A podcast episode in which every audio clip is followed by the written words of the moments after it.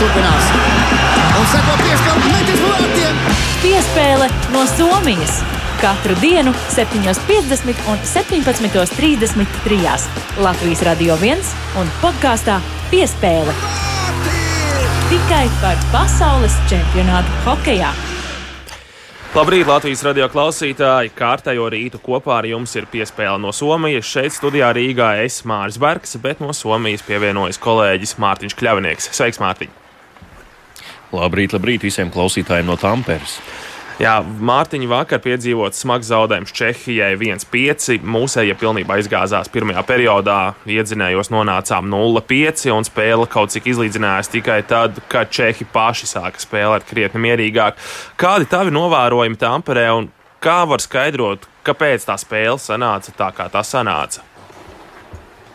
Labs jautājums. Es domāju, ka daudzi no komandas pārstāvjiem joprojām pārdomā un domā šo jautājumu, kā tas īsti sanāca. Bet eh, skatoties spēli, konkrēti pirmo trešdaļu, eh, tur eh, preses ložā vakardien nu, tiešām pārņēma tāda absolūta bez, bezspēcības sajūta, kas arī likās esam uz laukuma, nu, abs, absolūti bez pretspēles, un, un Čehi bez mazliet darīja, ko gribēja laukumā, kas tā arī principā bija. Sarāvu gabalos Elvi Merzļīkinu, nekādas aizsardzības. Eh, paskatījos protokolu pēc pirmās trešdaļas metieni pa pretinieku vārtiem tikai trīs, un kas tos izdarīja? Divus Kristiāns Rubīns, eh, vienu Artūrs Kulda, tas ir viens aizsargu pāris. Uzbrucēji neko eh, vispār nemet pa vārtiem, un nu, jā, tā sajūta tiešām bija ļoti bezspēcības pilna, un ar kolēģiem arī tur parakājāmies statistikas ailītēs, kad tad bija pēdējā reize, kad Latvija pirmo trešdaļu zaudēja ar 0 pret 5.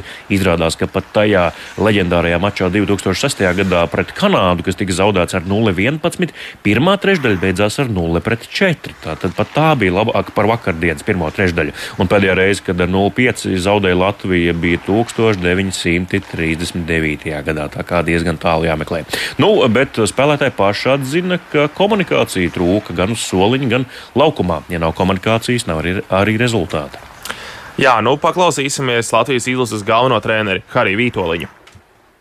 Vai kaut kā uz tādas pozitīvas nots tomēr sākt rītā. Jā, vienkārši to, ka visi teica, saprot to, ka šoreiz bija tā starp gribēšanu un varēšanu, man liekas, bija ļoti liela starp mums. Jā. Gribēt tas ir viens, bet arī tev jāvar, jā. jāsakoncentrē. Šodien tā koncentrācija, teiksim, sākumā bija, bija, bija liela, liela starp starp to. Bet eh, čempionāts turpinās. Rītā jauna spēle, un rītā mums ir jāiziet tā, kā mēs, tā, kā mēs nobeidzām šo spēli. Tālāk, Harijs Vitoļņš par aizvadīto maču. Nu, ja jāmeklē kādi plusi visādā ziņā, kvalitātes ziņā, briesmīgā spēlē, nu, tad vismaz maču turpinājumā Latvijas izlase izskatījās labāk. Ja pirmais periods pilnīgi bezcerīgs, tad otrajā un trešajā mazliet labāk komanda spēlēja. Nekas labs jau īsti arī tāpat nebija. Un, ja ņemam vērā, ka rezultāts ir 0-5, tad priecāties nav par ko. Bet eh, turpinājumā paklausīsimies, kas par maču sakāms hokeistam Ralfam Freibergam, kurš karjeras laikā spēlējis Čehijā un kļuvis arī par Čehijas čempionu hokeja. Bija grūti, jā, sākumā bija grūti, netikām līdzi, varbūt bišķiņi pēc tam, kad viņiem tās piespēles izgāja cauri un viss viņiem sanāca, mēs baigi nobijāmies un vairāk domājām, kā aizsargāties un kā noturēt un atmetāmies vairāk, bet uh, tad kaut kā otrajā periodā jau, varbūt otrajā periodā netik ļoti, bet trešajā Čehi piebremzē un mēs sākam spēlēt un, un spēlējam līdzīgi, manuprāt. Nu, vēl viens pozitīvais aspekts vakardienas spēlē - Arthurs Šilovs. Ieiet spēlē pie šāda rezultāta nebūtu viegli pat pieredzējušam vārdsargam, bet Šilovs labi tika galā ar šo nastu, iesaistījās spēlē, ņemot vērā, ka viņš ir nacionālajā izlasē debitants, un spēles gaitā sev atvēlētajā laikā vairākas reizes viņš arī glāba. Mārtiņ, vai mums ir dilemma par vārdsargu šī vakara spēlē pret Austriju? Mm. Es domāju, ka iespējams, ka treneri galvu palauzīs, bet visticamāk jau, ka tomēr vieta vārtos tiks dota Elvim Mērzļikinam. Viņš ir pārliecinoši pirmais numurs.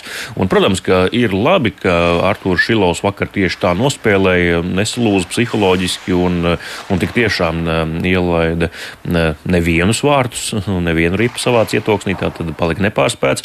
Nu, un, jā, katrā gadījumā es vēroju to pirmās trešās trešdaļas pašu, pašu beigu nogriezni pēdējās sekundes, kad jau tuliņ, tuliņ gatavojās skanēt fināla sirēna par pirmā, pirmās tās briesmīgās trešdaļas beigām, un Elsmers Ļikins ļoti ātri paņēma savu pudeli, nūja padusē un, nu, sprintā, tā to varētu laikam nosaukt. Uzsēna Bolts sprintā pāri um, savai zonas, um, zonas pusē un uh, uzreiz uz ģērbtuvi tiešām skrienot. Man likās, ka nu, cik nu varēja acis saredzēt no uh, piektā stāva caur viņas, viņa ķiveres režģi, likās, nu, ka viņš ir gatavs satauzīt visu savā ceļā. Un uh, tā arī ar kolēģiem spriedām, ka iespējams, ka tikai Elvis pats nepaprasa mājiņu, ja treneri to vēl nav nolēmuši darīt, uh, proti viņu mainīt. Bet es domāju, ka nē, ka šodien uh, vārtos Elvis Merzlikins, bet to es noskaidrošu aptuveni ap vieniem dienā, kad beigsies Latvijas izlases rīta slidošana šeit, Tamperē. Jā, nu gaidām treneru lēm, lēmumu par uh, vārdsargu šī vakara spēlē. Parkņājoties pierakstu kladēs, uh, varam redzēt, ka iepriekšējā reize pret Austriju mums bija 2019. gadā, un toreiz Latvijas izlasē izdevās izcīnīt uzvaru 5-2. Pēc tā turnīra Austrija arī atstāja eliti, un pirms tam gan mēs ar austriešiem esam krietni pamocījušies. Piemēram, mums neveiksmīgajā 2015. gada čempionātā, kad paši par mācu tiesu izvairījāmies no izkrišanas, austriešus toreiz izdevās uzvarēt tikai ar 2-1, atgriežoties vēl Vēl tālāk pagātnē, 2013. gadā zaudējums pret Austriju 3-6. Nu, tas liek secināt, ka pret Austriju nevaram iziet uz spēli negatīvi, un šī komanda šajā čempionātā spēlē tiešām ļoti labu hokeju, ir aizķēruši punktus pret amerikāņiem, ir uzvarējuši Čehiju. Līdz ar to pašiem ir jābūt gataviem spēlēt, citādi šī vakar mačs var beigties ļoti slikti. Ar to arī izskan šīs dienas piespēle no Somijas.